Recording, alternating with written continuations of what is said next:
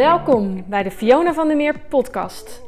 De podcast waarin ik je meeneem op mijn ontdekkingsreis en transformatieproces van chronisch ziek met een burn-out naar nu happy, healthy en zoveel meer relaxed. In deze podcast deel ik mijn inzichten, lessen en methoden en wil ik je heel graag inspireren en je de tools geven voor jouw eigen reis naar een gezonder, relaxter en gelukkiger leven. Ik heb er super veel zin in. Luister je mee? Uit je hoofd in je lijf. Hoe doe je dat? En waarom? Ik had jarenlang in mijn hoofd geleefd.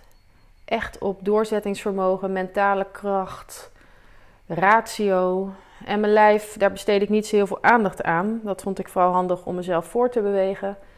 Maar echt emoties voelen, dat soort dingen vond ik lastig en eng. Dus dat, uh, ja, ik sloot me behoorlijk af van mijn, uh, van mijn emoties. En toen ik in 2013 thuis kwam te zitten met een burn-out en ook alweer maanden last had van mijn chronische darmziekte colitis ulcerosa, besloot ik dat het anders moest. En besloot ik dat ik de triggers ging vinden die mij ziek maakten. Dus wat veroorzaakte mijn chronische darmziekte voor mij? Ik wist al dat er een relatie was met stress, maar hoe die relatie precies zat, dat wist ik niet. Dus ik besefte me heel goed dat ik uh, vanuit mijn hoofd ook echt aandacht moest gaan besteden aan mijn lijf. En ik ben begonnen door eerst eens op te gaan merken wat de sensaties zijn in mijn lijf. Dus echt te gaan voelen en luisteren naar wat gebeurt er allemaal. Want ik had totaal geen idee. Zo ontdekte ik bijvoorbeeld uh, wanneer ik spanning in mijn lijf had en waar die spanning zat. Want daar was ik me ook van tevoren niet van bewust geweest. Dus door echt een aantal keer per dag gewoon in te checken bij mijn lijf, is te kijken van hoe voel ik me, hoe gaat het, ontdekte ik bijvoorbeeld um, dat als ik gespannen ben, dat ik mijn schouders omhoog trek, mijn kaken op elkaar bijt en uh, mijn ademhaling vastzet hoog in mijn, in mijn borst. Voor die tijd was ik me eigenlijk nooit zo bewust van hoeveel spanning ik in mijn lijf had en hoe dat dan voelde, omdat ik eigenlijk vooral altijd doorging op de overlevingsstand. Dus als ik me niet fijn voelde of ziek voelde, dan duwde ik dat zoveel mogelijk weg om maar door te kunnen gaan. Dus dat, dat is echt die mentale kracht, dat, dat doorzettingsvermogen. Ik wilde niet ziek zijn, dus ik negeerde dat ook gewoon. En ik negeerde dus ook um, de spanning en de stress in mijn lijf. Want ik wilde me goed voelen en ik wilde doorgaan en ik wilde sterk zijn. Dus dat soort gevoelens, daar was ik ja, nooit bewust van en daar keek ik ook niet naar. En nu, doordat ik mijn aandacht ging verleggen naar mijn lichaam, werd ik me pas bewust van wat er allemaal gebeurde en hoe dat voelde. En een volgende stap is dan natuurlijk ook het ernaar gaan luisteren. Dus als ik bijvoorbeeld aanvoelde aan mijn lijf dat ik um, moe was en rust nodig had, of erg overprikkeld was en echt even iets alleen moest gaan doen, of iets om, om weer tot mezelf te komen en tot rust te komen, dan betekende dat ik daar ook naar moest gaan luisteren. Want dat deed ik voorheen ook niet. Want als ik me niet goed voelde of uh, echt doodmoe was, dan was het nog steeds, ja, hup, er moeten nog dingen gedaan worden. Dus hop, hop, hop, doorzetten, doordouwen en gewoon gaan. Ook al was ik ziek, ook al was ik moe, dat maakte niet uit. Dus dat was wel even ja, jezelf tegenkomen in mijn geval. Want nu dat ik wist wat er in mijn lijf gebeurde, kwam natuurlijk het volgende. Ja, dan moet je daar ook naar gaan luisteren en je lijf gaan geven wat het nodig heeft. Dus rust als het rust nodig heeft. En als je ziek bent en je niet goed voelt, doe dan een stapje terug. Maar dan kom je gelijk, bam, tegen alle stemmetjes in je hoofd aan. Die zeggen: Kom op, zeg, stel je niet aan, even doorzetten, het gaat heus wel. Doe niet zo moeilijk, doe niet zo zielig. En dat was dus het volgende waar ik mezelf mee ja, confronteerde eigenlijk. Van ik weet nu wat er gebeurt in mijn lichaam. En ik weet dat ik daarnaar moet gaan luisteren. Maar zo makkelijk is dat niet. Want dat betekent toch dat ik me meer moet gaan richten op mezelf en minder moet gaan richten op hoe ik hoop of wil overkomen aan de buitenwereld. Of wat ik denk dat de buitenwereld van me verwacht of van me verlangt. Hoe mensen vinden dat ik me moet gedragen. En dan komen al die stemmetjes van dadelijk vinden ze me een aansteller of dadelijk vinden ze me een zwakkeling omdat ik uh, niet doorga, maar luister naar mijn lijf en rust neem wanneer dat nodig is.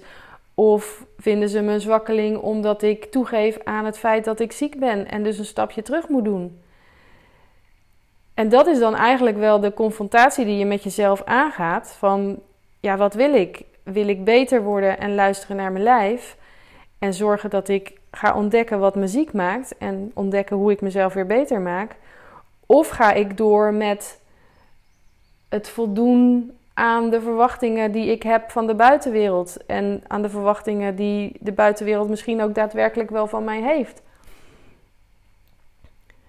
Om daarachter te komen, om me daar echt bewust van te worden, ben ik ook gaan uh, zoeken naar de relatie tussen de momenten dat ik stress ervaarde. Dus dat ik in mijn lichaam opmerkte van ik ben gespannen, ik heb mijn schouders omhoog getrokken, ik zet mijn ademhaling vast.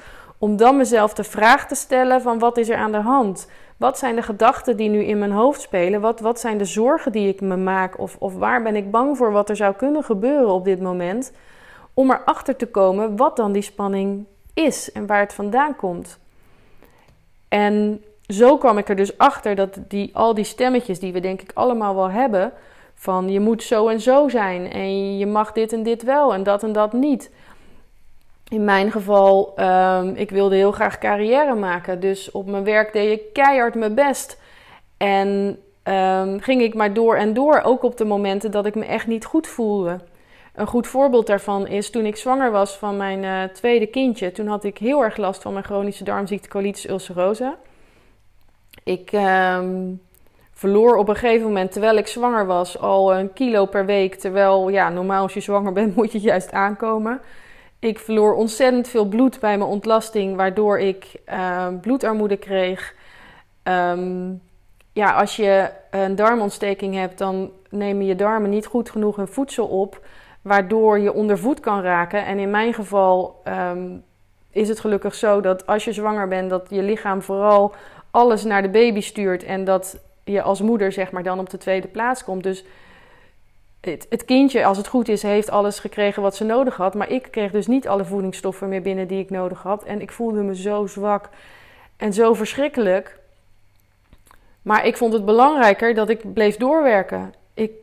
Muziek melden was voor mij geen optie. Ik moest door. Ook al had ik af en toe het idee dat ik van mijn stokje ging. En zelfs op de momenten dat collega's aan mij vroegen: Kan je niet beter naar huis gaan? Je ziet eruit alsof je elk moment flauw kan vallen. Dacht ik: Nee, ik ben sterk. Kijk, ze zien het ook. Ik ben sterk. Ik ga door. Ik ga door. Ik ben geen zwakkeling.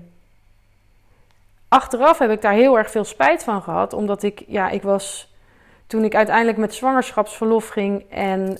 Um, dus eigenlijk de tijd was dat de baby mocht komen, dat, dat die volgroeid was en de longen volgroeid waren en dat het veilig was als die iets eerder geboren was, was voor mij zo'n opluchting, want ik was zo bang geweest om hem eerder te verliezen, omdat dat kan als je veel stress hebt. Maar toch was voor mij het belangrijker om sterk te zijn, me niet te laten kennen en maar door te douwen op mijn werk. En nou ja, ik ben achteraf ook heel dankbaar dat ik een gezond kind heb gekregen. En ik weet nu hoe stom het was dat ik maar door bleef douwen. Maar op dat moment was dat voor mij gewoon zo belangrijk. Dat het luisteren naar mijn lijf, ja, dat, dat, dat was zo'n teken, teken van zwakheid. En toen ik dus wel mijn lichaam in ging duiken en wel ging, of eigenlijk een besluit had genomen, ik wilde naar gaan luisteren, liep ik weer tegen al die stemmetjes aan, zeg maar, die, die standaard. Um, ja, gedachten die je eigenlijk voor jezelf, die gedachtenpatronen die ik voor mezelf had opgebouwd. Van ik moet sterk zijn, ik moet doorgaan, ik moet laten zien dat ik alles kan, dat ik niemand nodig heb. Daar liep ik nu ook weer tegenaan. En door er echt in te duiken, dus ik ben letterlijk tijd gaan vrijmaken om te gaan voelen wat ik voelde. En dus te, te ontdekken welke gedachten daar dan bij hoorden. Kon ik ontdekken dat. Um, wat dan die angst is die daarachter zit. Waarom moet ik sterk zijn? Waarom moet ik altijd maar doorgaan? Waarom moet ik alles kunnen? En zo kon ik ontdekken dat de angst die daarachter zit, was een angst om niet goed genoeg te zijn. Dus ik was zo bang dat mensen me niet goed genoeg vonden, dat ik maar door bleef gaan en mijn best blijf doen. En ik dacht, ja, als je heel sterk bent en alles kan, dan moeten ze je wel goed vinden. Maar ja, als je daar dus echt in gaat duiken en dus gaat ontdekken van, ik voel spanning in mijn lijf en hoe komt dat? Wat zijn de gedachten die daarbij horen? Ga je ook ontdekken dat sommige van die gedachten, die slaan gewoon echt nergens op. We zijn zo gewend om alles wat we denken voor waarheid aan te nemen, te geloven dat het waar is. Maar ik heb zelf ontdekt dat heel veel van die gedachten en zeker van die angsten, die zijn zo irreëel, die zijn zo niet nodig, omdat het geen daadwerkelijk gevaar is. Het is alleen een gevaar waar we bang voor zijn. Bijvoorbeeld, wat was er dan gebeurd als ik wel naar mijn lijf had geluisterd, als ik wel uh, me ziek had gemeld terwijl ik zwanger was? Ik denk dat niemand dat raar had gevonden. Ik denk dat iedereen had begrepen dat ik was chronisch ziek en ik, uh, ik had een kindje in mijn buik. Dat iedereen had begrepen dat ik een stapje terug moest doen. En dat ik niet meer misschien voor 100% kon werken. Maar in mijn hoofd dachten mensen dat niet. En pas toen ik echt erin ging duiken en dus echt ging voelen van wat is nou die angst, dan merk je dat dat hele primitieve en soms ook hele kinderlijke gedachten zijn. Van als ik dit doe, dan vinden ze me niet aardig. Of dan hoor ik er niet bij. En door daar bewust van te worden, kon ik die gedachten ehm, per situatie veelal loslaten en inzien van, nou ja, dit, dit is, slaat nergens op. Ik hoef hier op dit moment niet bang voor te zijn. Maar dat betekende wel dat het een continu ehm, proces is met jezelf. Van wat voel ik nu? En welke gedachten komen daarbij in mijn hoofd? En onder die gedachten, welke angst zit daar? En als je daar heel vaak in gaat duiken, dus voor jezelf, dan zal je zien dat je eigenlijk steeds hetzelfde patroontje afdraait.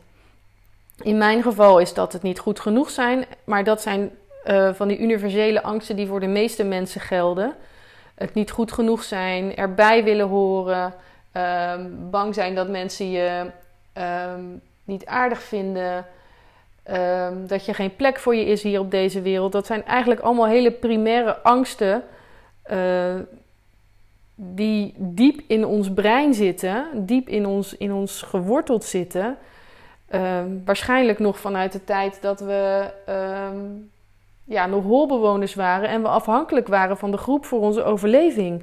Want toen had je gewoon de, de bescherming van de groep nodig tegen de wilde dieren, tegen de elementen van het weer om veilig te zijn.